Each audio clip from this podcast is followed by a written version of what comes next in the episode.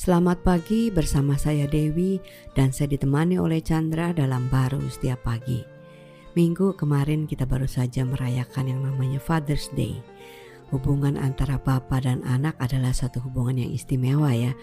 Tetapi banyak hal dan uh, banyak sekali kejadian di mana uh, terjadi satu hubungan yang hilang antara bapak dan anak. Itu juga terjadi di dalam Lukas yang tentang anak bungsu yang hilang itu. Lukas 15 ayat 20b mengatakan, Ayahnya itu berlari mendapatkan dia, lalu merangkul dan mencium dia.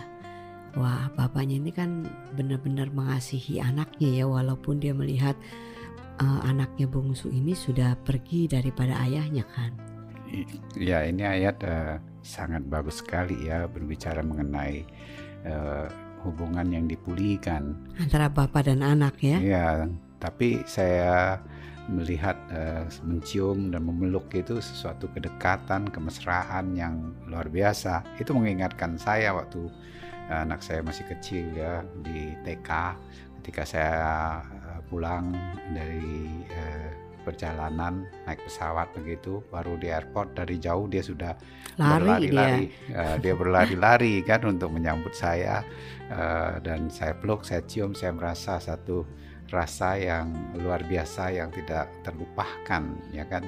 Ekspresinya itu beda. Ya beda sekali. Itu kan uh, uh, mencium memeluk itu kedekatan dan kemesraan hmm. yang yang sangat tidak bisa uh, dibayangkan kan keindahannya itu kan. Uh, sebenarnya kalau uh, di Tuhan itu sebenarnya itu hanya gambaran jauh Tuhan terhadap kita itu sebagai anaknya itu sudah jauh melampaui sebenarnya ya hmm. sejak dunia diciptakan pertama kali Adam dan Hawa diciptakan diceritakan juga Adam itu ya senantiasa ingin kan uh, bertemu dengan Tuhan, uh, Tuhan ya, yang di garden itu. yang yang sebagai bapak dia gitu kan. hmm.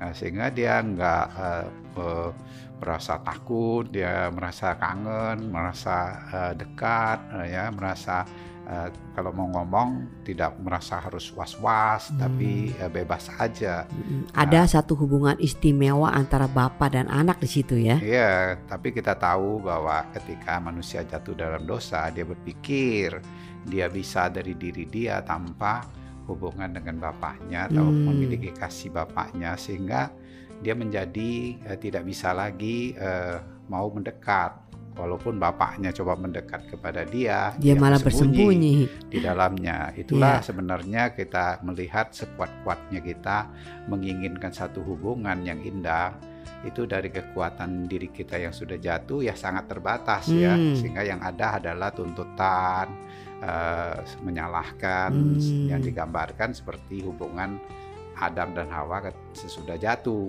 di dalam dosa itu. Itulah hmm. sebenarnya hubungan uh, manusia yang sangat terbatas yang menginginkan tentunya hubungan yang indah itu. Nah, maka itu Tuhan Yesus datang sebagai rupa manusia untuk menebus sebenarnya kan uh, uh, hubungan yang sudah hancur ini sehingga kita bisa memiliki uh, hubungan seperti dia juga punya hubungan dengan Bapa Nah, demikian juga kita sebagai anaknya di dalam hmm. Kristus Yesus memiliki hubungan yang indah itu.